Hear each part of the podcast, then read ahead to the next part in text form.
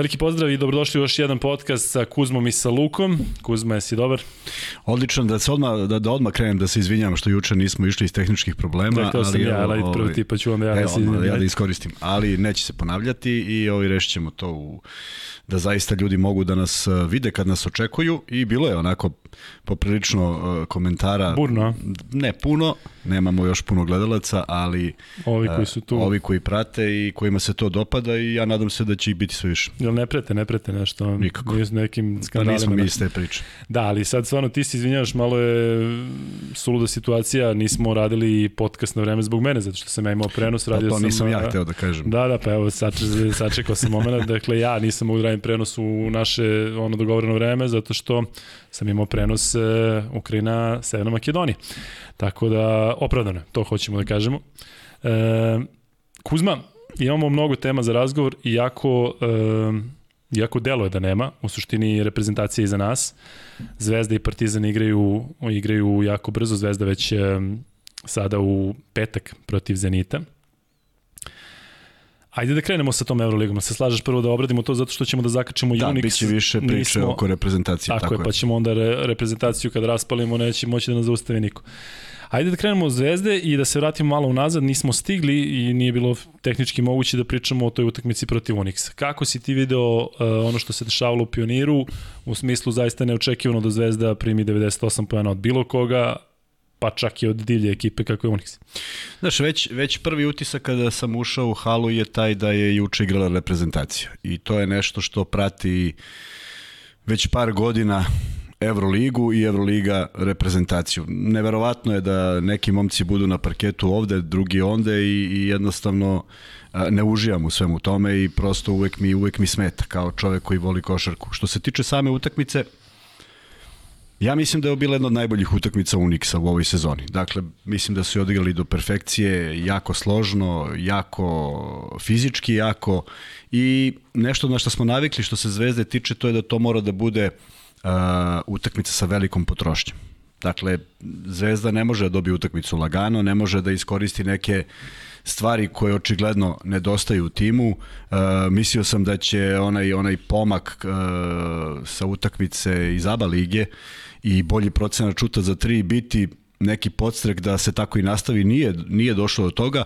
Uh, prvo polovreme je bilo plus minus, jel tako? Uh, prva četvrtina jako loša, druga upravo ono zvezdino izdanje, ali treća i četvrta već uh, nisu nisu bile ni nalik onome što smo gledali u prethodnom periodu i otuda i očekivani poraz. Ali da se razumemo, ne mislim da je Zvezda igrala toliko loše u pojedinim momentima koliko je Unix zaista odigrao jednu vanserijsku utakmicu ako oni to budu ponavljali a nisu od početka sezone jer su imali utakmicu koju nisu prešli 50 a sada su bili skoro na 100 uh, govori dovoljno o njihovoj snazi. Međutim uh, to sve zavisi od neke hemije u ekipi očigledno je grade i mislim da su ekipa koja nema veliki problem sa povredama od početka sezone. Tako da i tu leži tajna u tome da su oni ipak kompletni i da se sada nalaze na jednom neočekivanom mestu uh, s obzirom da neka pre, pred, projekcije neke uh, stručnjaka pred Euroligu nisu ih svrstavali na ovu poziciju. Ja iskren da budem, ne vidim ih u play-offu uh, i mislim da će doći period u sezoni kada Vrlo će verovatno, da. sve ono što smo pričali kada smo najavljivali meč, dakle oni imaju 3-4 igrača koji drže po 20-30 poena u rukama. Prvi Hezonja, pa onda Cannon, pa Lorenzo Brown, pa i taj OG Meo sa klupe, ali uh, stvarno ih je sve išlo. Dakle, Tako sve im se namestilo. Otvorena utakmica tako, Tako je. tako 8, 8 poena bez promašaja, prva promašaj Hezonje za dva. Uh, zaista su imali jedno van serijsko več. Mislim da su oko 50 za 3 i nekih 75 za 2, što, je, što se redko dešava.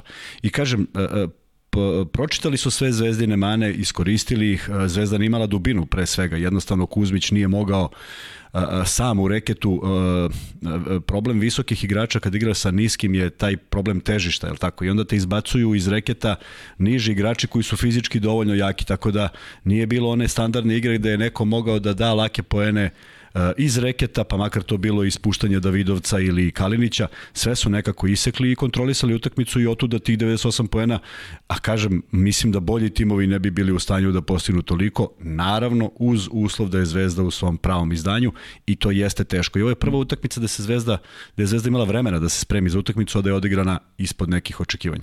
E, kako ti se sviđa John Brown? Meni je on u stvari naj, najbolji igrač lider one ekipe, zato što Da, radi da, stvari koje... energija. Da, M energija i ne znam da li si pušteno je na, na klip na sajtu sport kluba da kako je bio oduševljen navijačima. Ima tih igrača koje te e, koje ponese, ponese tako ih priču, pa tako. Hezonju. Hezonja video si da on Heza je iz došao, Besa da, da, on je došao da ratuje malo. Tako je, i kažem ti igrači, zna se da ja sam čak, sećam se imao jednog drugara, baš smo bili klinci, ili on je mene na, provocirao kao saigrač zato što je znao da će tom energijom da mi da proizvede nešto dobro na terenu.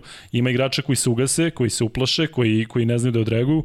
Hezonja jeste, Brown jeste, Lorenzo Brown jeste u smislu igrao protiv bivšeg kluba, pretpostavljam da je to bio motiv, iako su ga zvezdi navijači lepo pozdravili. Ovaj Isaiah Kenan isto čovjek profesionalac, stvarno pogodio je kad je trebalo, šta je trebalo, ali nekako je delovalo iskreno da Zvezda u nekim momentima nije imala ni sreće kako se odbijala lopta, zaista i Hezonja ono skida, dakle gotovo svaki napad je bio takav da Zvezdi ne uđe lopta u koš, ovamo na drugoj strani sve prolazi. Tako da to je razlog zašto na kraju bilo 20, u suštini apsolutno ne mislim da je razlika u kvalitetu iz Ne, ne, između ne mislim ni ja, ne mislim ni ja, ali evo ako pričamo o tome, dve trojke i dvojka uh, Uniksa u prve tri lopte, dva spuštanja pod koš i dva promašaja. Dakle, to su dobre pozicije za koš. Lopta nije ušla, treba veća koncentracija, treba mekši izmačaj, sve to stoji, ali nisu to bile uh, uh, odluke da Zvezda promeni igru. Zvezda igrala svoju igru, prosto uh, mnoge stvari se nisu realizovale i nisu završile, lopte nisu završile u košu. Ali ajde sad kad si kod Hezonje, uh, Darko Plavšić, naš kolega, je u prenosu rekao da je kao mali kad je došao u Barcelonu izjavio da, da li je išao, kad su ga pitali da li išao da gleda Mesija, on je rekao da bi bilo zgodno da Messi dođe da pogleda njega ako baš hoće da se da se vide. I uh, dao sam komentar u koji zaista verujem. Uh, malo je ljudi koji su to mogli da kažu. Apsolutno. U svetu košarke da ih nabrojimo možda na prste dve ruke. Ali oni to nikad nisu govorili. To je ta Misliš razlika. oni koji imaju pravo da koji tako imaju nešto pravo, izgovore, tako razumete, je, da. koji imaju pravo tako nešto da kažu, ali razlika u karakteru i odnosu prema igri, prema svetu, prema životu je upravo ta da oni to ne izgovaraju. Nikada nisam čuo Michaela Jordana u njegovoj karijeri da je na bilo koji način uh, pričao tako, iako je on obožavao da maltretira protivnike i to imamo kroz sve dokumentarne I filmove. saigrači i protivniki. I saigrači Da, da, da. protivnike, motivisao Da, da, i jedne i druge, ili na ovaj ili na onaj način. Ali nikada javno to nije govorio i e, to je u stvari njegova veličina i to je veličina igrača koji želi da bude broj jedan. Nemam ništa protiv da Hezonja bude taj, ali sa takvim e, doživljajem stvarnosti teško da će biti. Misliš da nije dobar taj, taj, taj stav najbolji sam na svetu, zato što recimo Zlatan Ibrahimović sa tim stavom krenuo u Ajaxu, govorim I on je prelazimo na jedan. fudbal, samo govorimo, Da. ali opet, znaš, Ibrahimović stvarno, on priča da je fudbalski bog, da me ne sati neko pogrešno, nije daleko. Mi Zlatan je stvarno legenda svetskog igrač, fudbala. tako je. Ali kažem ti, on isto sa tim stavom, znaš, on uvek govori kad je došao u MLS, kad su ga pitali, jel znaš ti nekoga, on rekao, ja sam ovde bog. Ja sam čak, sećam se da imao problem u Švedskoj, zato što u jednom talk showu u Sjedinjenim američkim državama rekao, Um, ja sam uzdigao Švedsku, niko ne bi znao šta su Šveđani da nije mene. I onda su ga naravno dočekali, em što znaš, ipak je Zlatan Ibrahimović, verovatno ga ne gledaju svi kao 100% Tako je. um, švedskog eh, državljanina kako god, ali se to, ne znam da li znaš, sad smo otišli potpuno stranu, to se ispeglalo kada je on napravio reklamu za Volvo XC70, napravio reklamu sa švedskom himnom koja je stvarno dobra reklama i onda su ga, čak su na, na nacionalnoj televiziji su 7 dana unapred držali ono, odbrojavali.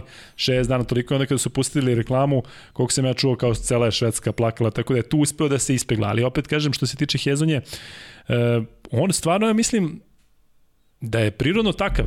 Ako je dobra stvar, mislim takav. da se dečko ne folira. Dakle, nije, on stvarno misli da je najbolji.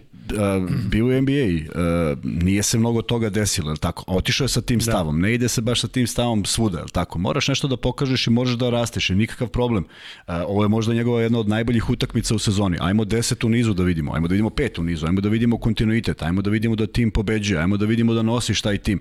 Uh, utakmica pre, samo jedno kolo pre, to je bilo toliko nerezonskih šuteva, sa jedne noge, sa druge noge, možda si čak i ti radio Jeste, radili smo protiv Albe, ono kada je zakucao pa se tako To je da pričali. toliko bilo nekih neverovatnih stvari koje su mogli da odvedu tim u, u drugom pravcu. Ali ajde da batalimo Hezonju. Da, izvini da, da opet da, batalimo, samo još ovo da kažem, nemoj da shvatiš da ga branim, ali Ne. opet on, on je, kažem ti, krenuo kao klinac i mislio da je najbolji i onda je došao do, tog, do te situacije, postoje klipovi kako on zakucava preko Antetokumpa, preko Lebrona Jamesa, kako udara blokade i verovatno je to učestvo u, uticalo da bude još puni sebe, ali slažem se što se Hezonje tiče, Bilo, nećemo je, pričati. bilo je više nego potrebno. Da, do, do revanš, pošto će Zvezda igrati u nekom da. trenutku protiv Uniksa na strani, ali ajde ostajemo u Euroligi, ostajemo da pričamo o Zvezdi. Naredni meč e, Zvezda igra protiv Zenita. jako težak protivnik. E, da li, e, ne znam da li si, koliko si ispratio, ali Zenit je odigrao utakmicu protiv Panatinikosa i to je za njih najgora partija ove sezone, to drugo polovreme nisu ličili na sebe.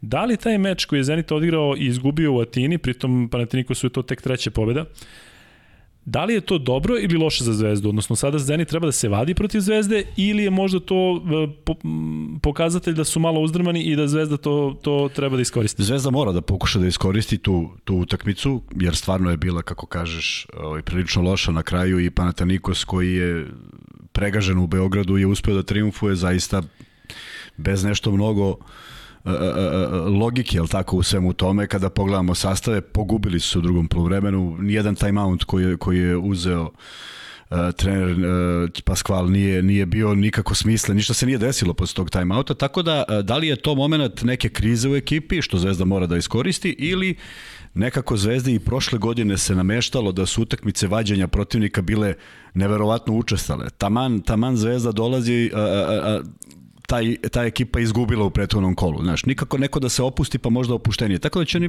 biti maksimalno fokusirani jer i oni idu istom strategijom kao i Zvezda, kao i svi u ostalom Euroligi utakmice kod kuće su najvažnije. Tako da ovaj poraz protiv Panathinaikosa ako je ubeležen da će imati 7 do 10 poraza na strani, on verovatno potpada u tu kvotu i mislim da neće mnogo da se da se da se da pate oko toga koliko će želeti da se revanširaju Zvezdi. Imaju ozbiljan ozbiljne igrače i kada su u nekom svom punom naletu igraju zaista van serijsku košarku. Da li misliš da to što Jordan Lloyd i Billy Baron igraju protiv Zvezde, da li je to dobro za Zvezdu u smislu poznaju te igrače? Ovi momci ih i trenili su sa njima, sa Lloydom naravno Lloyd je sveži primjer zato što je igrao prošle godine, ali Baron naravno većina zna koja je igrala u tom periodu kada je Baron bio jedan od najboljih igrača. Da li je to plus ili minus za Zvezdu? Mislim da Amerikanci tog tipa koji su, bajde da kažem, pravi profesionalci, da nije im to sa nekim motiv da u Sankt Peterburgu sad on napuni bivši klub. U suštini, e, generalno, tim Zenita, kako ti se sviđa, kako je sklopljen, ja ću samo kratko da prođem što se tiče rostera. Dakle, Kone Frankamp, jedan dobar playmaker koji ima jako dobar šut meku ruku, znači obratite pažnju kada šutira, čuje se mrežica, kada radimo Zenit odzvanja u slušalicama.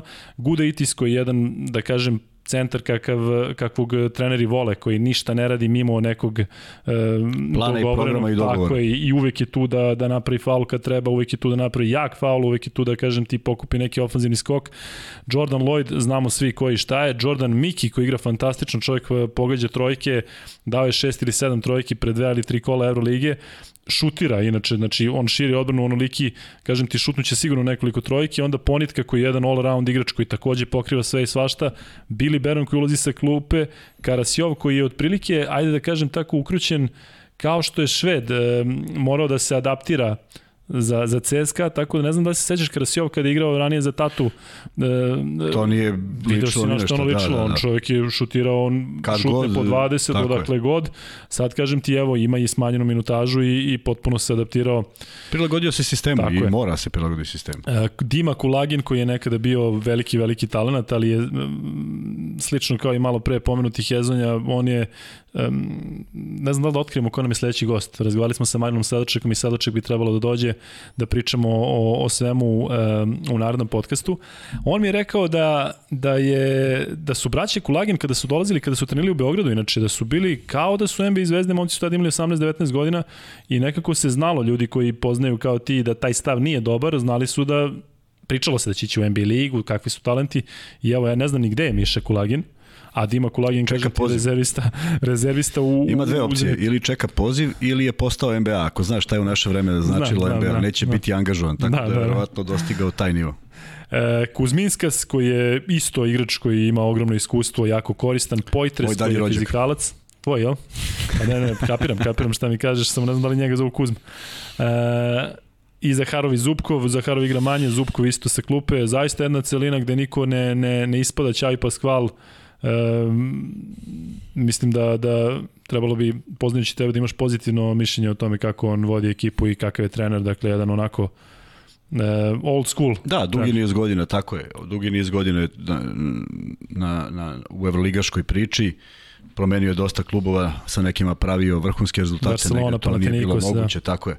Sada u jednoj novoj misiji, uh, autoritet apsolutno i vidi se da ekipa igra sve bolje.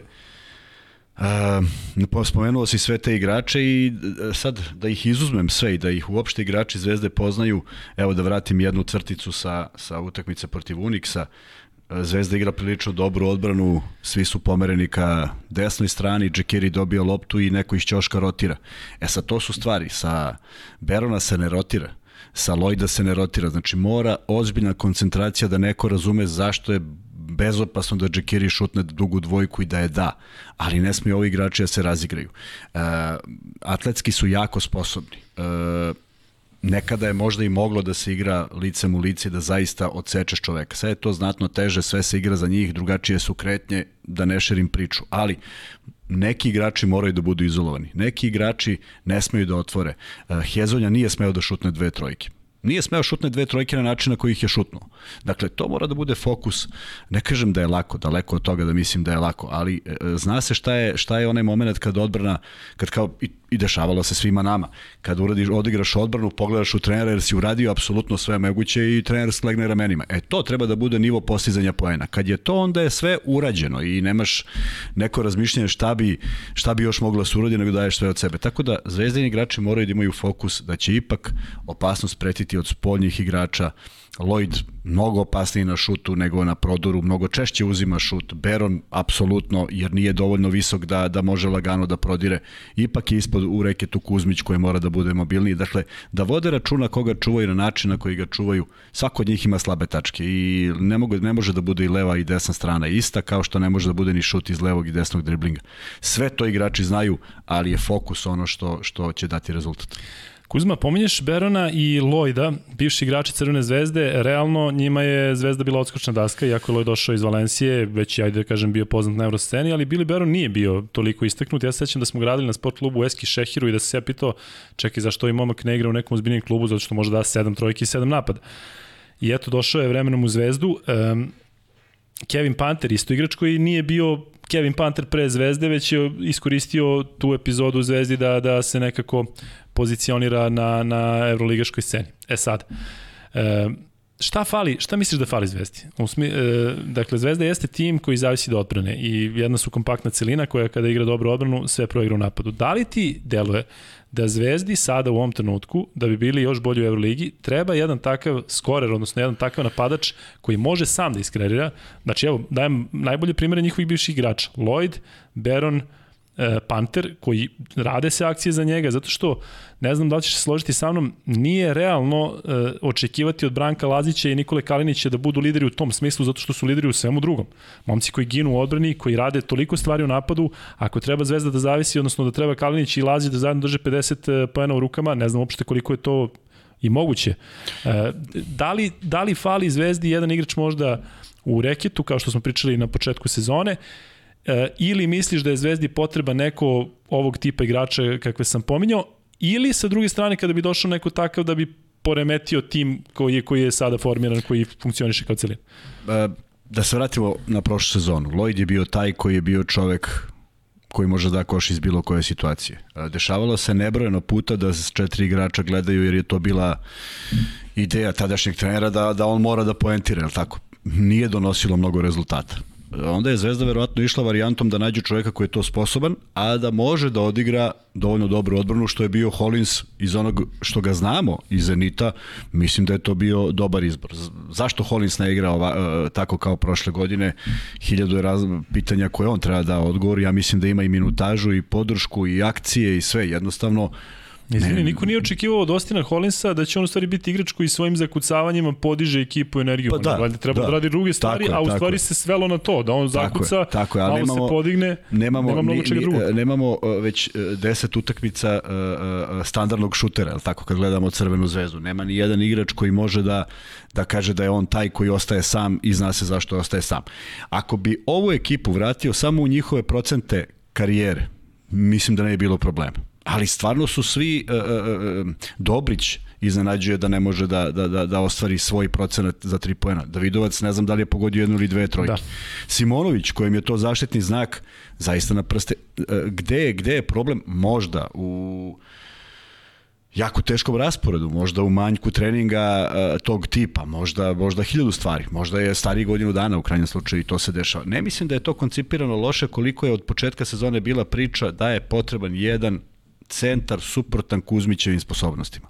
S druge strane, Kuzmić igra van serijski celu sezonu, dakle, zaista mislim da postoji još jedan igrač koji bi bio malo, malo drugačiji, malo brži, malo skočniji, da ne bude ništa slično Kuzmiću, da bi bio on pu pogodak. Izbor je pao na Cirbesa, čoveka kojeg poznaju da nije dobio koronu i da se nije izdešavalo šta se izdešavalo, ja mislim da bi on bio mnogo upotrebljiviji defanzivno, što je Zvezdi potrebno, nego ofanzivno. On je dve utakmice odigrao na prilično dobrom ofanzivnom nivou, ali je bila ozbiljna promaja u Španiji i Radonjić je sigurno svestan toga i otuda i njegov neulazak e, protiv Uniksa. On nije ušao uopšte, tako? Nije.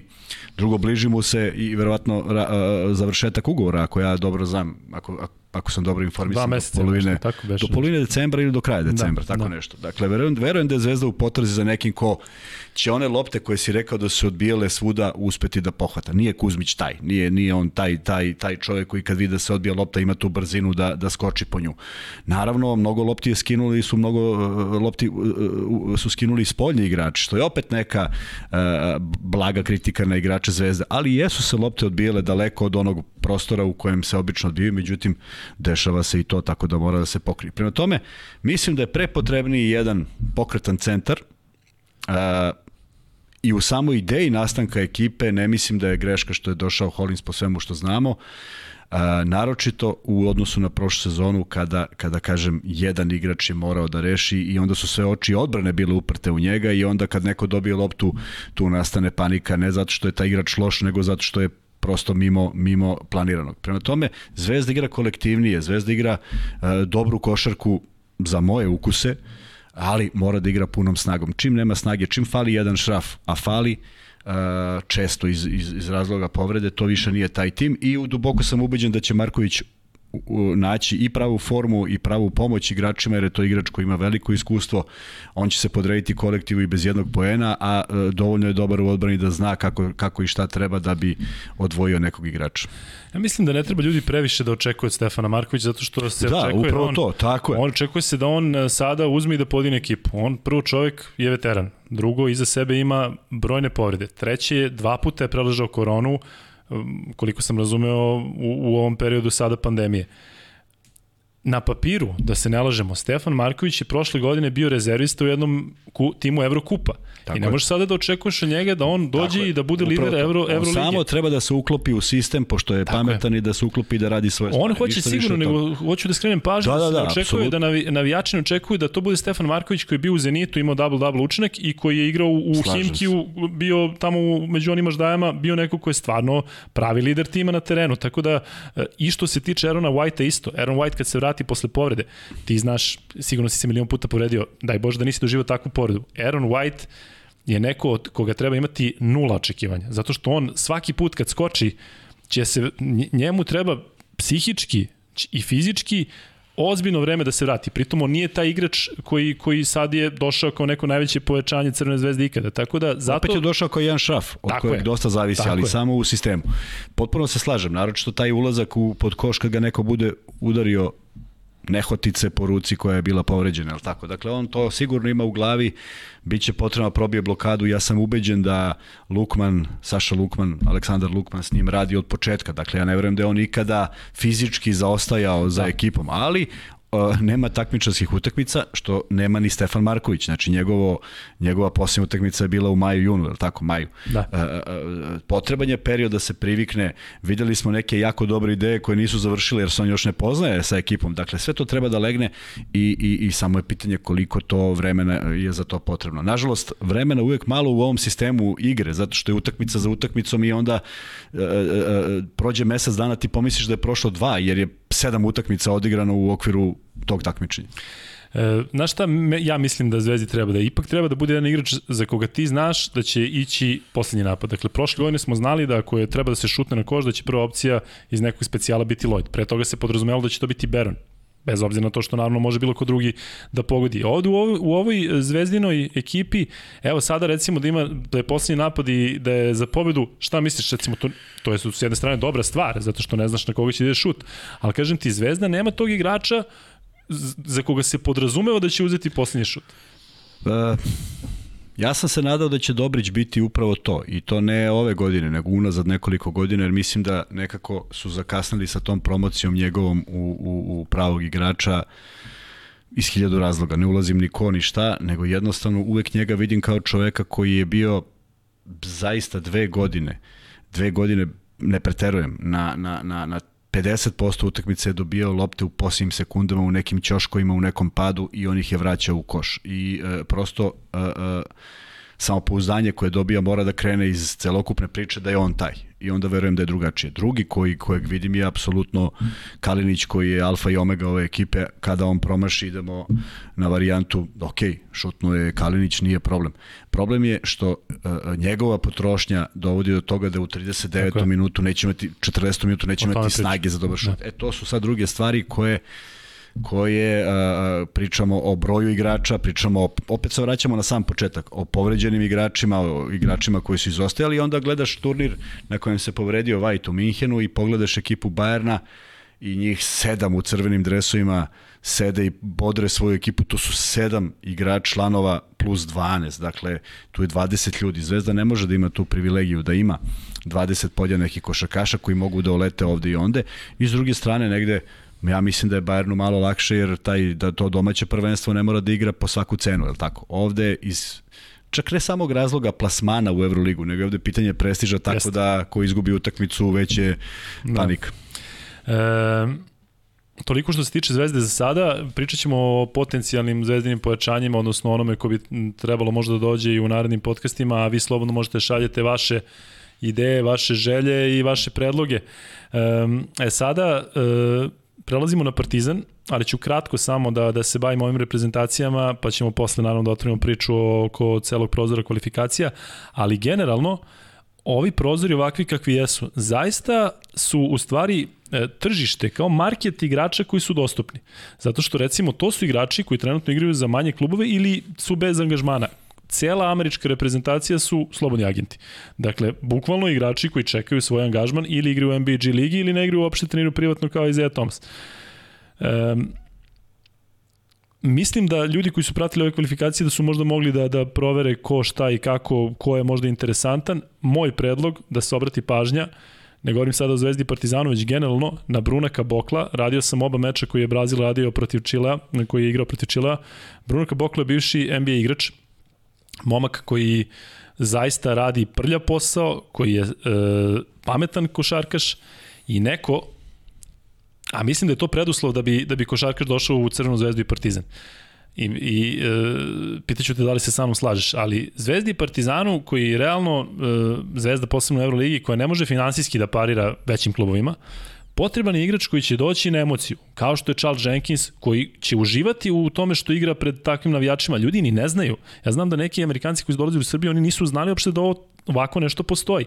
I onda su, su dajem opet primer Jenkinsa, koji je stvarno igrač koji ima neverovatan vibe sa publikom, i Beron je bio takav, ali eto primer Lorenza Brown. Lorenzo Brown je jedan klasičan profesionalac koji isto igra u Zvezdi, u Fenerbahčeu i u Unixu sada. Mislim da nije potreban taj, taj tip igrača koji, evo, Partizan ima sreće sa Panterom koji isto igra na emociju, videli smo sa navijačima. Željko Bradović je rekao za Ledeja, čim je došao prvi trening, odmah mi je stavio do znanja šta mogu da očekujemo njega. Dakle, neko ko će da dođe i ko će biti, ajde da kažem, više od profesionalca. A samim tim, um, samim tim će vjerojatno ispustiti svoju cenu, bit će spreman da zbog nečeg drugog, da rehabilituju svoju karijeru Zvezdi i Partizanu. Daću ti samo jedan primer. Pre nekoliko godina Partizan igrao protiv Tofaša u Evrokupu i stigne informacija do mene, što je čak bilo i vidljivo na ekranu, da tadašnji igrač Tofaš, čak nije ni bitno koji je, krilni centar jedan, da je on danima pričao o atmosferi iz pionira. Drugarima, agentima, saigračima i on se čak pozdravlja, on je bio očaran Kao recimo Brown sada. I ja sretnem sportskog direktora Partizana e, u, u gradu, gde god, znamo se zato što me on ugostio u Španiji, znači nije sada da sam u prišnulici je, nego je šta ima, ja mu kažem, vidi, ovaj dečko je spreman da dođe za mnogo manje pare i bila bi mu čast da igra pred tim navijačima. I on mi kaže, ne, mi jurimo jeftine, a gladne. Nije me možda shvatio ozbiljno. I kao video sam ga da je na tržištu, video sam ga da je dostupan. Dakle, ovaj, ovaj čovjek je iznao želju da bi igrao za Partizan, da ne preterujem, ali čovjek bi platio da dođe, da bude, da oseti ono u svojoj karijeri. Zato što kaže koliko je uživao da igra u toj atmosferi kao protivnik. I šta se desi? On završi u baru i odigra jako dobro za Mornar. I ne znam sad, sad već ovo ja u svojoj glavi, on je možda hteo da se približi ovom regionu, da opet igra češće pa da te utakmice. Došao.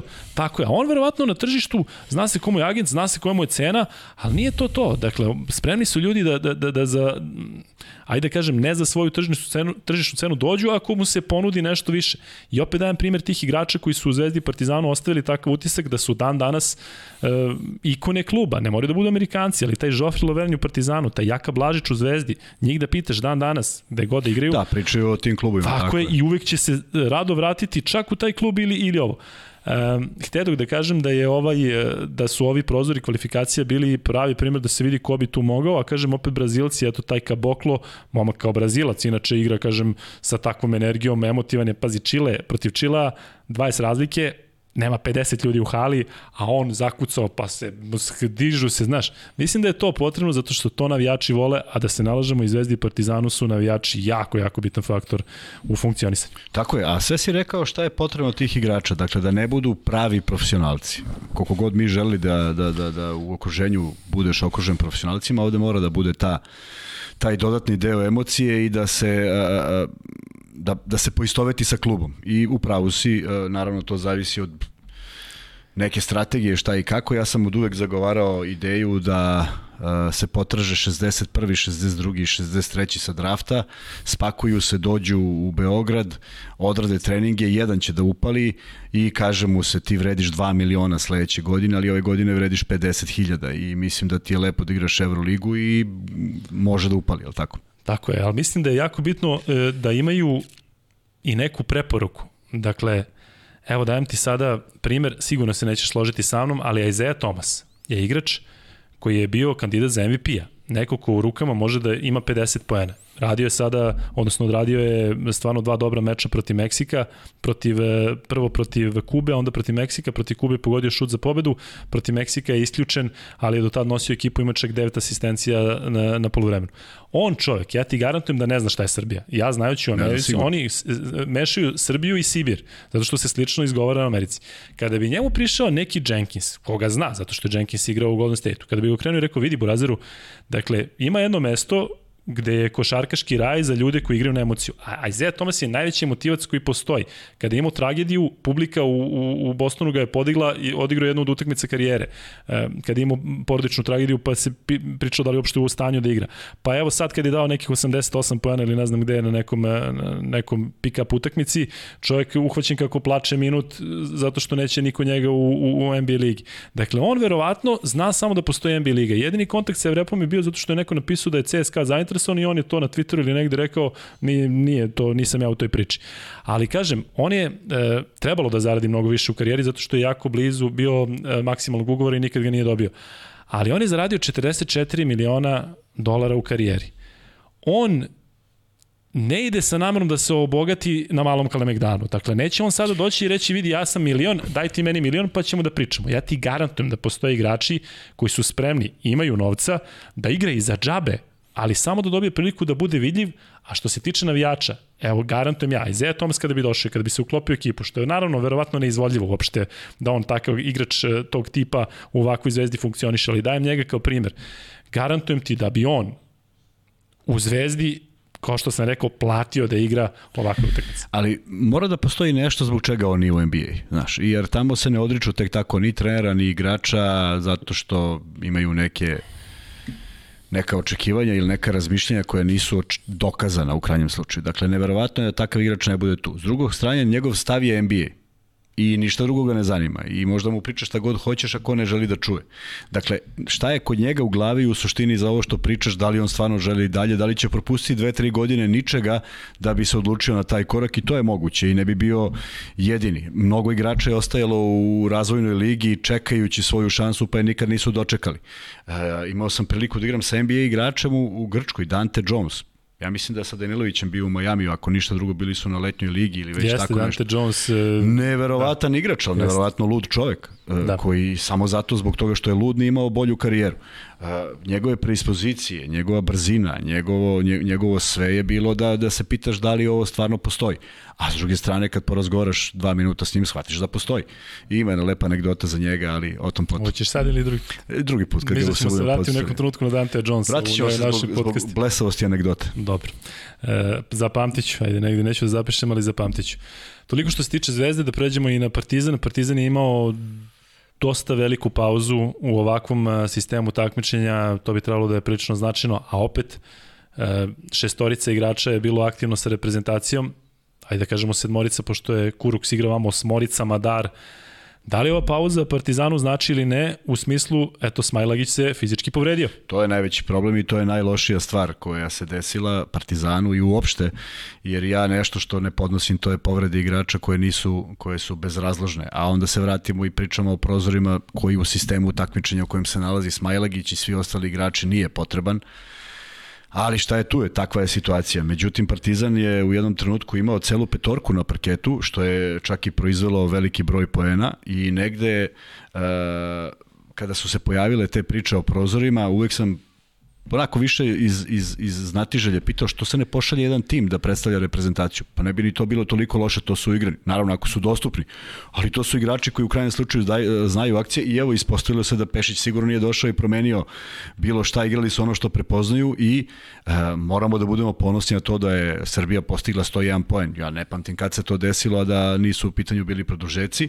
Naravno da je mnogo teže uigrati neke defanzivne stvari, što se pokazalo na sledećoj utakmici, ali eto, Partizan Partizan će, nadam se samo da povreda Smajlagića nije ozbiljnije privrede, ali eto, Partizan trpi u narednom periodu angažovanje njegovih igrača, koliko god je to za njih čas, koliko god je to čas za Partizan, trpi angažovanje igrača u reprezentaciji i, i, i onda naravno sve bi se i drugačije gledalo da je, pa, da je Srbija pobedila ovu da. utakmicu da. protiv Belgije, pa onda kažeš važi vred, Vredela, da. ovako, da.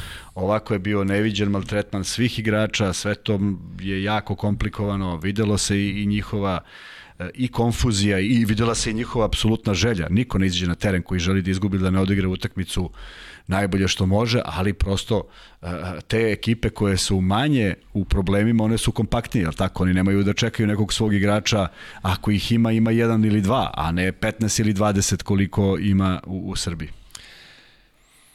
Partizan kao Partizan igra svoj meč da, to 8. Da, pričamo, da, da. E, igra 8. decembra e, protiv Pariza, da sad se taj klub zove Levaloa, mi ne volimo da ga menjamo tako po E, težak je za, za komentarisanje, ali se tim zove Metropolitan i to je, ajde da kažem, jedna tvrda ekipa koja, koja onako igra košarku, ono što otprilike igra Zvezda u Euroligi, oni to igraju uh, u Evrokupu, uh, dakle ne ističe se niko. E, opet se vraćam na ove prozore, dakle Paul Stoll koji igra za Meksiko, koji je izuzetno inteligentan, izuzetno pametan igrač, se potrošio sada igrajući e, ova dva meča, on je u, u toj ekipi, ali e, Htedog da, da, da zakačimo neku drugu stvar. Ljudi moraju da znaju da ovo što se ljudi, što se košakaši povređuju, da je to nešto što će, nažalost, tek uzimati maha. Dakle, nikoga ne treba da iznenadi ako se u, u, u nastavku sezone desi da timovi igraju bez trojice, četvorice igrača, zato što je jednostavno fizički nemoguće da Tako se ovo izdrži.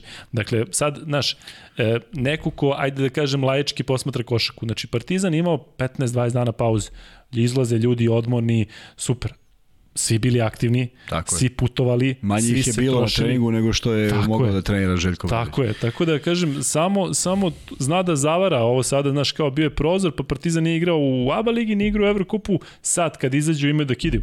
Pa ovi momci su se i fizički i psihički potrošili, sada ćemo da pređemo na, na tu temu, na reprezentaciju, ali i, i, i putovanja sa ovim COVID protokolima i te utakmice. Sigurno Pešić nije došao na trening i rekao, aj momci, znam da vam je teška sezona, ajde mi malo da odmorimo, ajde malo da šutiramo, nego sad ulaziš u novi sistem, novi Tako trener, je. to je sve toliko zahtevno. Pritom te neke male stvari kojih ima mnogo, to gašenje svetla tamo u Belgiji, pa izgubiš utakmicu u Belgiji. Sve to utiče na igrače, a ljudi to uopšte ne shvataju. I zato kažem, ta povreda Smajlagića, nažalost, ne treba da čudi. Dakle, da me ne sad ljudi pogrešno, ali sreća pa se nije više njih povredilo. Da, da. E, radio sam Izrael protiv Poljske, katastrofa od meča, oni Poljaci, kažem ti, ne znam, ja ti, Vanja i ovde da skupimo neki ljudi s ulice, pa mi delo je, znaš kako ono delo je, da bismo mogli, igraju totalno besmislenu košarku, izgubili su u Izraelu, izgubili su od Nemačke, ali nema veze. Madar se povredi, kraj poluvremena, Madar se povredi, tri minuta je na, na, na, na zemlji ide u slačionicu, vratio se, igrao drugo poluvreme, ali opet i to ostavlja nešto. Znači, on se uhvatio, uhvatio za nogu, Izvrnuo je nogu, dakle nije to nešto, sad, možda mu je to slaba tačka, možda to sada ga sačeka ovde u Beogradu. Tako da kažem, ljudi samo treba da spuste očekivanja zato što ritam, uh, ritam NBA je ritam, a igrači nisu navikli jednostavno na to. Tako, Tako da ne treba da čudi ako, ako bude još povreda. Ali imaš nešto još da dodaš na ovo moje Ja dodam da je Metropolitan pobedio Asvel, što Tako. težava priču Partizanu, što znači da će izaći na, na Megdan ekipi koja želi tu pobedu i bit će jako teško i eto, ja samo želim i uvek želim da ekipe koje igraju u Evrokup, uopšte koje, koje zastupaju u Srbiji u Euroligi, Evrokupu, pa i u regionu, jer ja sam ipak igrao i u budućnosti i nekako sa simpatijama pratim njihove međunarodne rezultate. Uvek želim da iđu što kompletniji, što boljem sastavu, da to bude uh, prilika za pobedu, iako kada se i desi da se neko povredi, pobeđivalo se i tada, ali jednostavno uh, želiš da igraš protiv najboljih, želiš da budu svi na terenu i to onda donosi neku, neku veću draž i negde osjećaš se bolje i raste taj pobednički mentalitet. Jer svaki, svi ti porazi znaju da vode i u drugom pravcu, bez obzira u kom su takmičenju. Jednostavno ne možeš da, da ih ignoriš. Da, Partizanom se ne bavimo toliko kao Zvezdom zato što Zvezda igra sve vreme u Euroligi. Da, bila je Partizan pauza, je, da. da. Dakle, nemamo sada da, da, da na silu sada pričamo o Avramoviću ili o nekome, kažem, momci su igrali za reprezentaciju, sad se vraćaju u klub i Partizan, dakle, gostuje protiv e, Metropolitana u narodnom kolu. 12. rekao da je to, ne znam da li provreću još jednom, ali nešto mi to sada deluje da je daleko. Je li tako? 8. Evo ga. Da, 8. Da, 8. 12. E, sada reprezentacija, ovo je u stvari sve što smo pričali bio i uvod za ono što je najaktualnije, to su dakle reprezentacije, utakmice reprezentacije.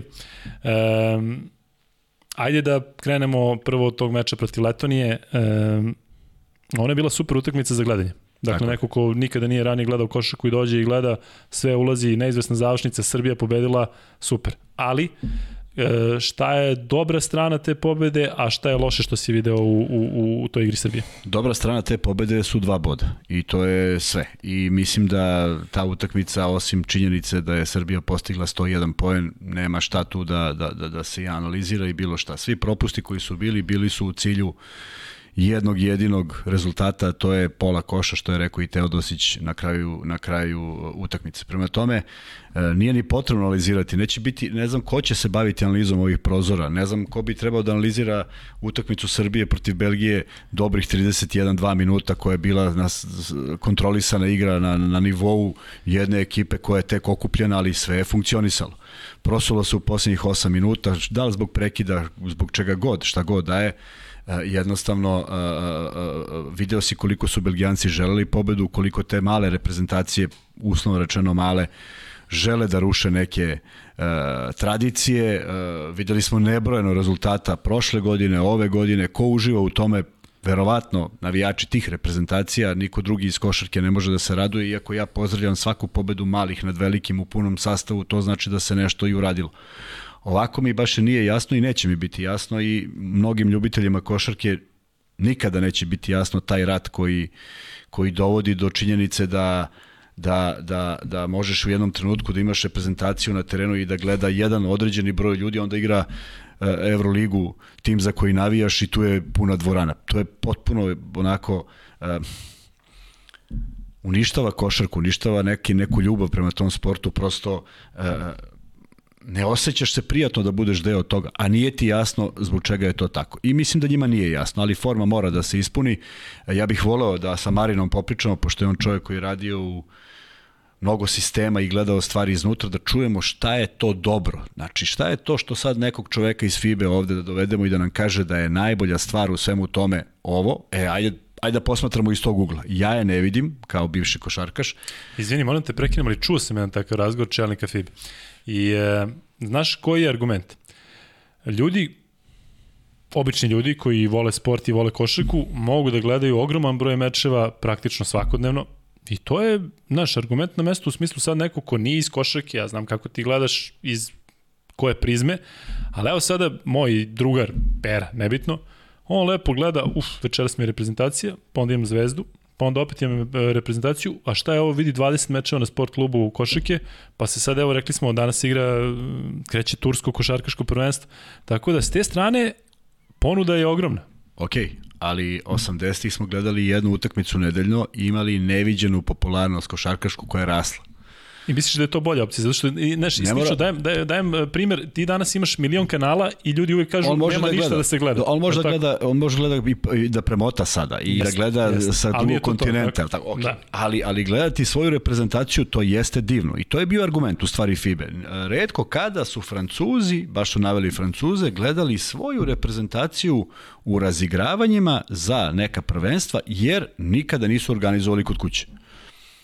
Okej, okay ajde, postoji i da se gleda i preko nekog TV-a, ali ajde da kažemo da je ta bliskost sa publikom trebalo da bude glavni razlog. Pa nisam vidio pune tribine, slažem se, COVID da. je i sad je teško pričati koliko bi zaista ljudi došlo, ali i ovaj ritam ti nekako malo da mnogo košarke, znaš. Jeste. priželjkivali smo dobru utakmicu na televiziji.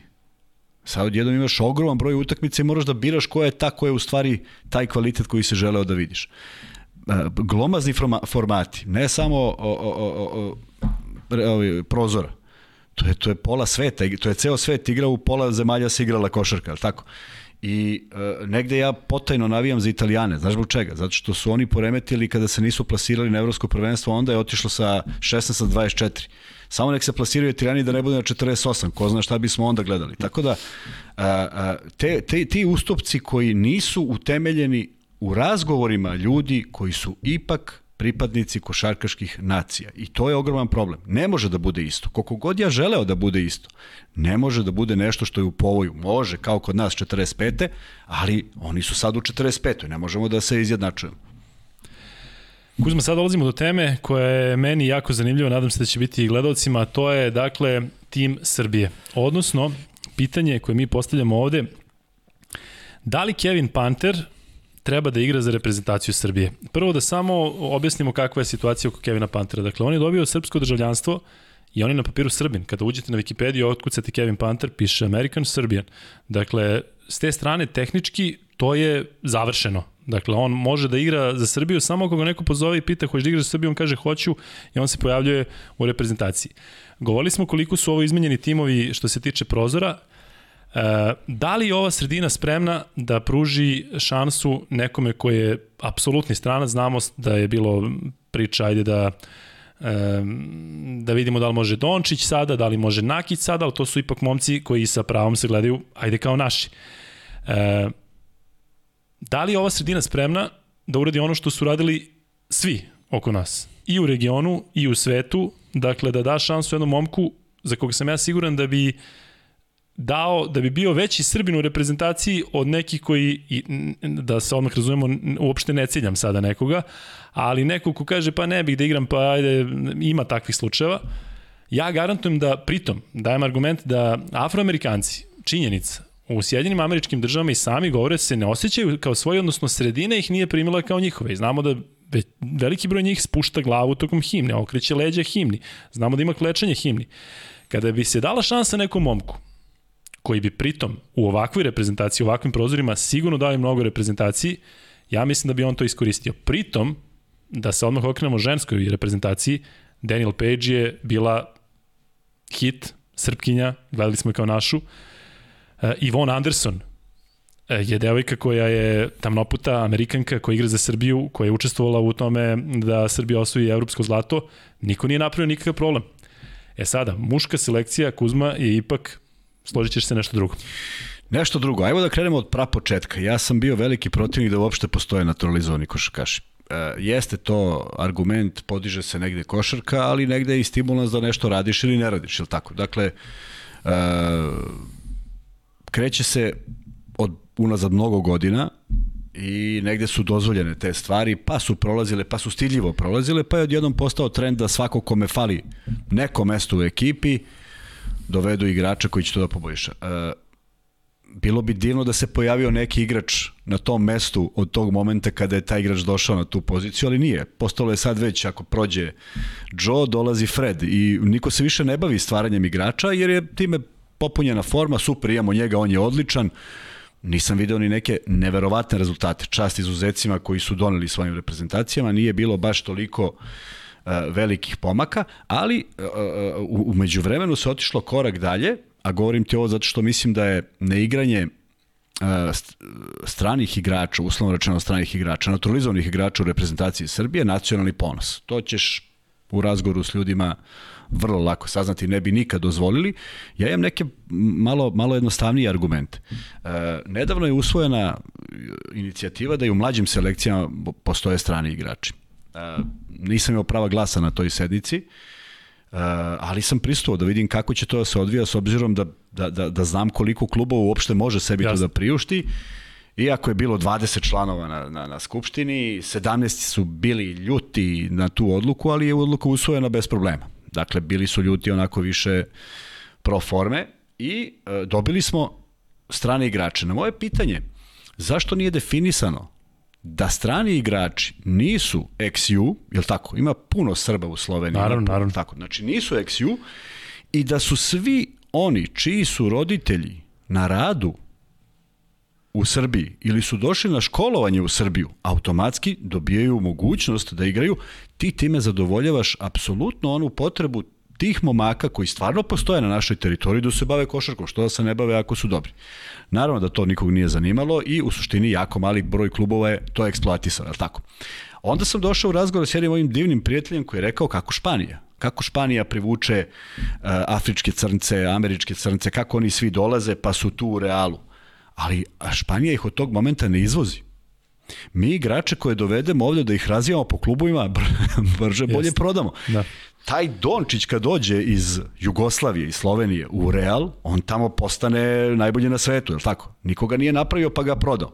Normalno da je narodna destinacija bila NBA, ali ovde je to cilj u stvari. Ajde radi sa dobrim trenerima u dobrim sistemima, pa ćemo da ga prodamo. Znači, koji u stvari korist može da ima naša košarka, osim da je četvoro klinaca na istoj poziciji sklonjeno i nisu mogli da se razvijaju. Dakle, za sve ovo što pričam, mora postoji neka strategija, je tako, da se neko dogovori. I sam si na, rekao uh, kako Page i Anderson, a kako ne u muškoj, zašto nema tu neke strategije? To je jednostavno neko doneo takvu odluku, ovde može, ovde fali ne može. Igračica, ovde fali, što je potpuno razumljivo. Da se razumemo, kada pričamo o Marini Maljković, jer je ona personifikacija košarke, u, u ženske košarke Činjenica, u. Srbiji. Da. da se ne naljute svi ti divni ljudi koji dalje rade uh, po, sa, sa, sa devojkama u košarkaškim klubovima. Da nije bilo nje, ne bi bilo ničega. Dakle, kada ona dođe uh, u moment da fali ta jedna igračica koja ne fali zato što ih imamo pa ih ne volimo, nego zato što je realno stanje stvari, a u ženskoj košarci je to mnogo eksplicitnije, onda ona izabere osobu pre svega da se, ja mislim da Page nije Jordanka u... Nije, niko nije znao ko je. Tako je, ali je to tako jedna posvećenost i tako Jeste. je odradila posao i donela sve to što je donela u sklopu s ovim igračicama. I ova Anderson isto. Kudi kamo je sposobnija i da poentira i nešto, ali ti vidiš u glavi da je ona pripada. Uh, nažalost, uh, javnost ovde ima mnogo uticaja, je li tako? I vidimo po svim društvenim mrežama ko će kako i da se oglasi, ali vidi, u istom tom trenutku ta javnost koja bi bila za to ili ne bi bila za to, velika većina te javnosti u, uporno pritiska e, dugme na semaforu u Beogradu, da će, s nadom da će preći ulicu na vremenski kontrolisanim raskrsticama. Dakle, i ta javnost nije nešto baš mnogo merodavna, je li tako? Opet zavisi od strategije izdati problem šta u stvari jeste problem. Da li je nama nedostaju ti igrači? I onda pogledaš popišeš ih sve i shvatiš gde su ti otišla deca koja su bila neki vrli talenti, jel tako, koji su se kotirali tu negde. Nisu imali prostor gde da igraju. Svi pričaju Kuzma želi da se aktiviraju, on više voli da gleda Sloga Kraljevo Bora Čačak. Pa više volim da gledam Sloga Kraljevo Bora Čačak jer znam ko je tamo igrao. Da, da. I ko može da izađe iz toga i ko može da izađe iz te hemije čačanske, kraljevačke i tako dalje. Ko, ko je sve pravio karijere, te dece nema. Uh, mi imamo plejadu igrača u Rumuniji i Češkom. Bio sam ja u Rumuniji ali sam otišao za pristojan novac, za novac koji je meni apsolutno u tom trenutku odgovarao. Ovo su sada stvari da on ode, živi malo tamo, ako uspe slučajno nešto da vrati, to je, to je neki bonus, ako ne, idemo u narednu sezonu i postavit će se pitanje zašto ovo radim 15 godina kada ću na kraju izaći da sam igrao da bi živeo. Tako. Da. A mnogo se brzo približi kraj karijere. Sad sam otišao malo daleko. Neka, neka, pa i treba, razvodnju se u smislu da zaista treba da postoji sistema, ne sad da zavisi od jedne odluke i jednog poziva kako sam ja rekao, ali opet da se vratim na taj primjer Kevina Pantera. Dakle, on je momak koji je igrao i za Zvezdu i za Partizan. On je momak koji je bio slobodan i bit će slobodan u narednim prozorima. O ovoj temi se pričalo jako dugo. Ja čak znam da je jedan selektor rekao ne trebaju nam stranci, hoću naše igrače. Mi ne Tako znamo je. da li bi Pešić rekao da, da, da li otvori. Znamo, da. Ako Pešić kaže ne, to je kraj priče. Tako I je. naravno to je odluka, kao što Marina kad kaže da, niko ne sme to Ali da kaže vrlo verovatno, s obzirom da je Pešić, Pešić stara škola, je tako? Vrlo verovatno da ga nije ni razmatrao. To je sad naša pretpostavka, je tako? A... Ali govorim ti, znaš, tehnički, dakle imaš čoveka, čoveka koji koga mi, činjenica, u ovoj reprezentaciji koja je igrala protiv Belgije i Letonije, mi takvog košakaša nemamo, koji može da iskreira sam iz jedan na jedan licem, koji može da pogodi šut kad god treba. Dakle, Kevin Panter je neko ko bi se sigurno istakao. Dakle, ja, da ljudi razumeju, ja ne govorim o tome da Kevin Panter treba sutra da igra za reprezentaciju, već govorimo o opciji da taj momak dođe na širi spisak, pa da ode na pripreme, pa da onda Pešić kaže, aha, trebaš mi, ne trebaš mi. Da vidimo samo da li je to uopšte izvodljivo, zato što će to kad tad doći na 100, za 10, 20, 50 e, godina. E, tog dana kad dođe, mislim da ovde svi u košarci priznaju da se nešto pogrešilo. Jer ako ćemo o nečemu da pričamo, u istoriji jugoslovenske i srpske košarke, to je broj talenata koji proizvedemo, je tako? I onda su svi negde u NBA, a ti odjednom nemaš da popuniš ekipe u Srbiji, je tako? Dakle, tada se priznaje da smo mi nešto pogrešno. A to neće biti nikad, A, to da se razumemo. To je ali, evo, ali kažem ti, evo Slovenija, dajmo primjer Slovenije. Slovenija je najveći hit na olimpijskim igrama, bili su na pragu finala. Mike Tobi fenomenalno se uklopio u ekipu. Pre toga, 2017. godine na Evropskom prvenstvu, Dakle, Anthony Randolph, jako bitan šaf, a opet ne najbitniji igrač. Ja ne kažem da Kevin Panter treba ovde dođe i da šutira 40 puta po meču. Ali, opet kažem, da je Panter bio u meču protiv Belgije, Srbija ne bi dala šest pojena u posljednjoj četvrtini i sada govorimo šta je bilo kad bi bilo, ali jednostavno svako ko je gledao jednom Kevina Pantera svestan je da on momak može da, da uradi nešto, što nažalost bekovska, bekovska pozicija trenutno u reprezentaciji Srbije ovakve kakva jeste škrip I hoću prvo da, da se vratim samo na to da pohvalim e, Miloša Teodosića zato što mi kao društvo znamo da i tekako iskritikujemo kada neko dođe i kada neko ne dođe imam dve pohvale. Dakle, niko ne priča toliko o tome, mislim da bi trebalo da se priča svakodnevno. Miloš Teodosić nikada nije odbio reprezentaciju. Miloš Teodosić je prošao sve selekcije, dakle, od U14, 16, dakle, kada je na U20 je bio najbolji igrač evropskog prvenstva, nikada o tome, nikada, nikada to nije potencirao i rekao, evo ja sam došao. Miloš Teodosić je oženjen, ima dvoje dece, hiljadu puta mu se desilo da je u toj sezoni kada treba da igra za reprezentaciju da treba da potpiše ugovor, što nekima služi kao izgovor da ne dođu, da se ne bi povredili sve. Dakle, Miloš Teodosić je zaista neko ko treba, ko je zaslužio neverovatno poštovanje. Oni promašaju tih nekoliko šuteva protiv Belgije. Ja bih mu dao svaki put loptu da šutne i onakav težak šut.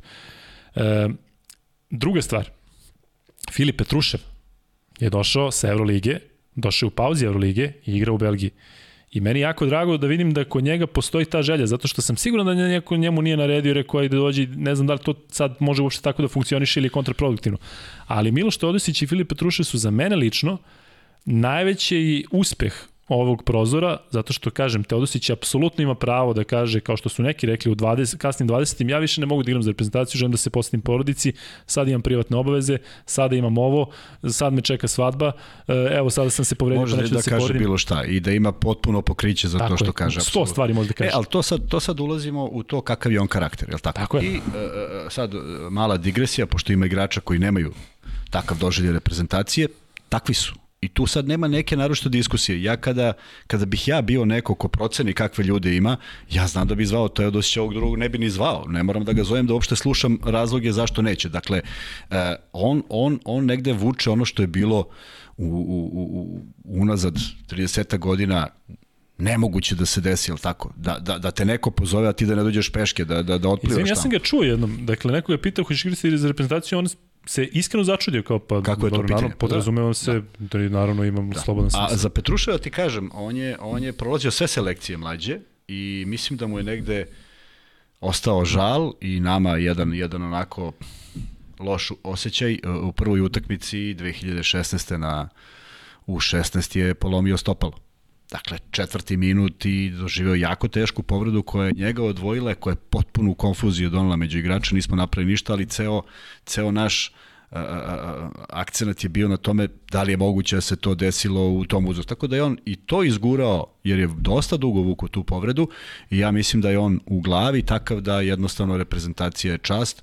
S druge strane, ako smo pričali o idolima, možda ni on nije sanjao će raditi sa Svetislavom Pešićem, tako? tako? I ako malo nešto zna iz, iz familije da je čuo, ako nešto zna o njemu, to je jedan valjda motiv više da kad te takav čovek sa toliko osvojenih titula i toliko dugo u košarci pozove da prosto dođeš. Tako da još uvek ima ljudi koji razmišljaju na taj način i to je nešto što ti daje nadu da, da nikada, nikada nećemo ostati bez tog broja ljudi koji žele. Što je jako dobro zato što ako ćeš se složiti sa mnom, Petrušev će biti lider ove reprezentacije jako brzo.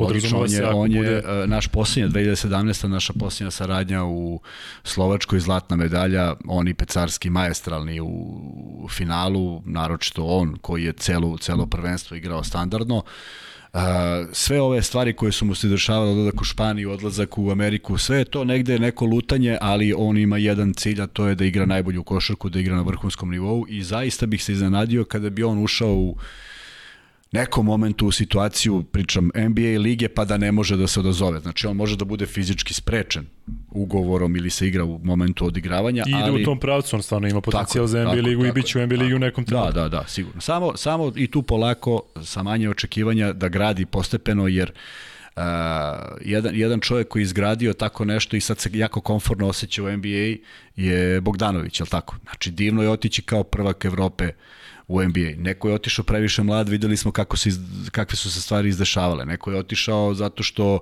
mu je to bila linija manjeg otpora. Imao je fizikalije, mogao je da, se, da vidi sebe u 8 minuta i igrao 8 minuta i ima karijeru 10 godina po 8 minuta i to je legitimna stvar.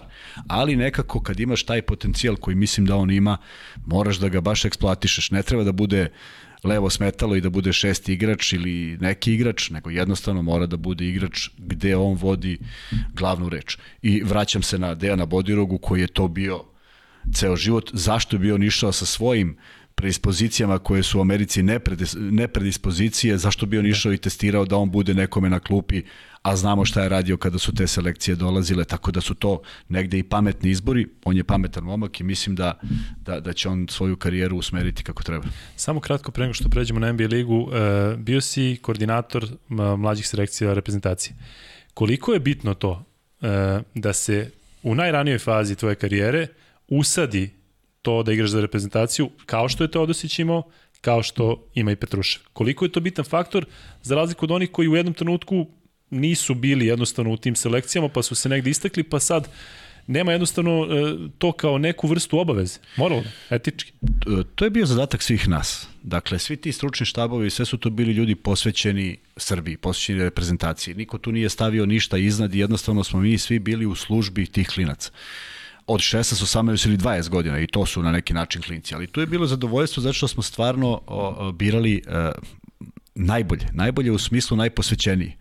Možda i otpao neko ko je bio individualno bolji, ali bio luda glava, je tako? Dakle, od svih trenera sa kojima smo sarađivali, tražili smo da imaju e, razmišljanje o budućnosti. Ko su ti igrači koji treba nešto da donesu? E, ne moramo da vodimo nekoga s kojim ćemo nužno biti prvi. Ako nije potencijal za A selekciju, jer a, a, malo, smo, malo smo pobrkali lončiće u, u, u tim mlađim selekcijama, nama je mnogo važnije da se možda u 16 osvoji zlatnu medalju, nego ko će iz tih igrača zaista izaći. Pa imaš neverovatne paradokse koje je jako lako naći. Imaš paradokse da je jedna selekcija bila deveta sa 16 godina. Pa su ostali svi na okupu. Pa su bili šesti u 18. I onda je ta reprezentacija dominirala sa U20, a to su sve igrači koje poznaješ. I Gudurić, i Rebić, i e, Zagorac, i Apić, i Davidovac. Lazić nije bio u ekipi samo zato što nije bio tu, bilo neke, otišao je na koleđ. Jokić nije bio tu, sve to 95. godište. To je strahovita ekipa bila i oni su jednostavno rasli. A imamo primer, prvi sa U16, pa se promeni šest igrača, pa prvi sa U18 i onda 13. Nesta. na U20 nestali igrači. Dakle, e, mora se zna šta je i e, jedna, jedna anegdota, priča Vlada Jovanović, kaže, e, trener Mege, kaže, neverovatna utakmica, završetak protiv Francuza, on koji skače stalno, francuski trener koji nikad nije ustao celu utakmicu i kaže odlučujuća slobodna bacanja i staje neki momak na slobodna bacanja, galama, svi se tresu, on šutira, promašuje prvo. I kaže, Vlada, ja pogledam, ono kaže, ustaje čovek, trener. Prvi put. Prvi put. I kaže, kaže, lakat gore, da izbaci lepše. Znači, uopšte nema ne. veze sa, sa, sa rezultatom, znaš, jer, jer video si koliko Francuzi izbace igrača, a da li su oni prvi, drugi, treći, četvrti, nekako mislim da ih ne zanima. I tamo treneri rade po 15-20 godina. Oni ne razmišljaju o svom poslu ako su osmi. Da. A ovde je sve život i smrt i sve je neki privid nečega što nema dovoljno dobru strategiju. Kuzma, kratko da pređemo na NBA ligu, pa lagano i da se odjavljamo, baš smo se raspričali, meni da. iskreno ti kažem drago. E, skrenut ću pažnju na kraju, ali zanima nas i vaše mišljenje o ovom primjeru Kevina Pantera, zato što tu, ne mogu da kažem da je podeljeno društvo, ali svako ima neki svoj argument i svi argumenti su na mestu. I ovi da treba da se forsiraju domaći igrači i da je jednostavno čovjek potreban ekipi, a da, e, opet kažem, mi ne jurimo neko i kažemo, e, druže, da li bi ti igrao za Srbiju, znaš, bit će ti lakše. Znači, čovjek je Srbin, piše, ima crno na. Um, tako da recite nam, e, pišite odnosno u komentarima šta i vi mislite. Kratko NBA Liga, dakle Nikola Jokić je odigrao taj famozni meč protiv Majamija u kome se pisalo i pričalo, ne znam koliko pratiš američke medije, ali tamo je to uh, bio spektakl u najavi, senzacija, potencijalni rat, oglašavali se svi preko društvenih mreža, Jokićeva braća došla u Miami, samo da ako neko ne zna, dakle bio taj duel između Morisa i Jokića, obojica su dobili suspenziju, pa se onda pričalo šta će biti 29. kada, kada e, Jokić gostuje sa Majamijem. Digla se jednostavno velika bura, sve je bilo mirno i Jokić je kao pravi MVP došao, pobedio, završio, Dakle, bukvalno u, jednom, ne znam koliko si pratio, ali u jednom smeru išla utakmica, dakle, 20 razlike bilo na polovremenu, doduše nije igrao Butler, a opet Denver ima toliko povređenih igrača da ovo nije, nije izgovor za, za Miami. Tako da mislim da je ovo bio pravi primer da Jokić pokaže na terenu kako igra MVP, dakle ništa sa strane, nije bilo provokacija, posebno sa njegove strane, E, na kraju, ajde da, da sad ne govorim na pamet, ali e, puno poena, puno skokova, dosta asistencija, dakle jedna, jedna prava liderska partija, partija Nikola Jokić. Da, i tako se to, to radi. Tako. Sve ostalo je manje bitno. E, mi živimo u takvom vremenu da je sve ostalo mnogo više bitno, iako ne znam u, u kom smislu. Uh, mi ne znamo 90-ih čiji su rođaci ili dolazili, da li su dolazili, da li su bili u sukobu ili nisu, prosto to nikad nije da, bilo da, bitno. Da. Sada se diže frka oko svega toga, potpuno bezrazložno. Uh, Uh, ono što je on uradio, utišao je uh, halu, iako su svi zviždali, a valjda upravo ono što smo pričali, ne znaju odakle Jokić dolazi, ne zna da ovde zvižda i kad, Tako je. kad te simpatišu, a ne igraš kako oni misle da treba. Ma kad te neko tome... proda u kladionici, bre, pa se Tako mislim, ovde ljudi imaju potpuno drugačiji. I... Onda je navikao na sve to i tamo Jeste. nikad ne može da bude to ništa ne približno gostovanju u Čačku ili Kraljevu, ko je jedan da. to prošao, taj je, taj je imun na sve ostalo, ali uh, odlična utakmica, pokazatelj koliko on znači ekipi Denvera, da ovo sad nije uh, slučajnost koja se, da, da su oni ušli u seriju poraza baš zato što ne znam šta. Ne, baš zato što Jokić igra glavnu ulogu i zato što im nedostaje čovek koji očigledno organizuje čitavu igru, vratio se na divan način, e, neka potraje, neka ova povreda bude zaista e, prošlost i neka, neka, neka nastavlja dalje e, i da pričamo o košarci, znaš, jer sve ove stvari odlače pažnju, a jedna stvar koja se desila u istoj toj nedelji je potpuno neverovatna da je LeBron James, LeBron James prijavio gledaoce koji su mu nešto Just, dovikivali, da. došlo bezbeđenje i izbacili ih. Dakle, dešava se to, dešava dakle, se to često. E, e, u, u, opet govorim, od, od, od decenije, do, od dekade tako do dekade. Je, Nik, ranije se nije dešavalo, jer je posto Zamisli bilo... ovde da dođe neko da kaže vidi ovaj me vređao. Pa to bi se praznile tribine ma, na zagrevanje. Ma kakvi, pa ja ti kažem, u Pioniru i dalje misle da ono zabranjeno pušenje gostovanje benda, prema tome to ne mhm. može niko da izbaci. Uh, uh, volim da pričam o košarci, ove stvari mene potpuno onako ja ih preletim, zato što ih moramo da ih znamo, ali one ne smeju nikada da, da odlače pažnju od onoga što se dešavalo na terenu i da li su bila Jokićeva braća, pa naravno da idu s njim, što da ne idu. A ko je očekivao bilo šta, ta je stvarno ovaj, ne gleda košarku na isti način. E, imam dva pitanja još u vezi Jokića i Denvera. E, Da li misliš da može, da uopšte postoji mogućnost da mu daju dva puta za redom MVP titulu šta god da uradi ove sezone? Da li misliš da tu postoji opet neka politika? Da bilo da je diskusija, bilo je diskusija posle dobijenja, znaš, da, da nije odveo do, dokle je trebalo. Možda čekaju sad to, možda taj neki korak ili dva ne znam koliko imaju potencijala za, za sam vrh.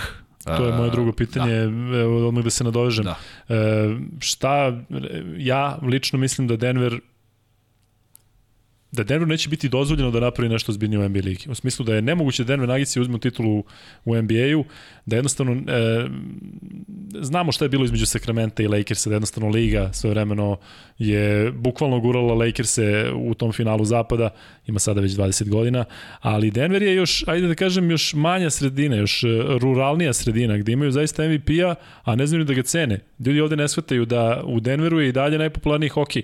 Dakle, Jokić je mnogo manja zvezda u Koloradu i u Denveru nego neki igrači Colorado Avalanche koje radimo i koje prenosimo na sport klubu.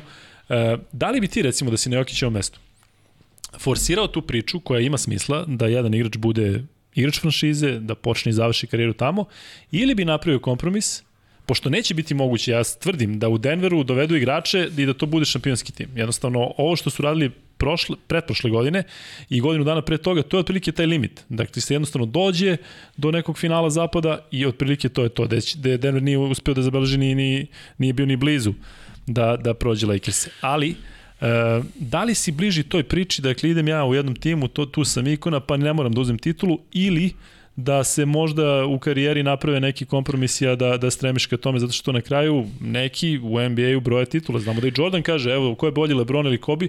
Pa Kobe ima toliko titula, Lebron ima toliko, do duše sad se to menja u Lebronovu korist, odnosno postoji šansa da i Lebron dođe do nekih 6-7 titula u karijeri. Iz moje, iz moje prizme, e, ja sam više za tu opciju jer su idoli da. ostanak u jednom timu po i prosto cenu. da. Jer mnogi su to pokazali da je i takako ne isplativo, nego obeležiš jednu, jednu epohu, je tako? Ne priča više niko o drugih pet igrača, nego prvih pet igrača Bostona ili se svi sećamo petorke Lakersa, koliko god da su, da su se oni menjali, tu su Jabari Magic, je da. tako? Da. I to je bila neka osnova, pa i Vorti. Uh, pa onda setiš i Kurta Rembisa preko njih, je tako, Naravno. čoveka s naočarama. Prema tome, to su, to, su, to su neke divne stvari koje su nestale kada je Lebronova era počela, pa je on dovodio de ode, nagovarao, pa su prelazili de god. To je jedan besmisao i divno je bilo, divan je bio komentar Magica i Jordana, pa i mi smo mogli da igramo zajedno. Da. Ali nije valjda fora bila u Jest. tome. Tako da, Jokić ima srećnu, nesrećnu okolnost što se nalazi u ekipi u kojem je broj 1 što je malo Evropljana bilo, Nesrećno što možda niko neće hteti danas tamo, ali ne znači da neće sle, hteti sledeće godine. Treća okolnost koja može da se desi to je da pogode fantastično igrača koji će postati nešto što, što, što možda ne u trenutku dolaska. Dakle, sve se to gradi i ajde da verujemo da, da, da nema onih blokada zašto ne bi neko išao u Denver. Iako sigurno postoje. Ima, verujem. Naravno. Ali zna, zna se tako, ljudi, tako kažem je. ti, Sacramento je najbolja sredina gde se pokazalo da igrači za veći novac neće jednostavno da, da igraju u Kingsima, nego hoće da juri titulu u nekom većem gradu, većem timu, većem Pa, znaš šta, i, i, i kad je Jordan sam, sam došao, niko nije video Chicago sa šest titula, je tako?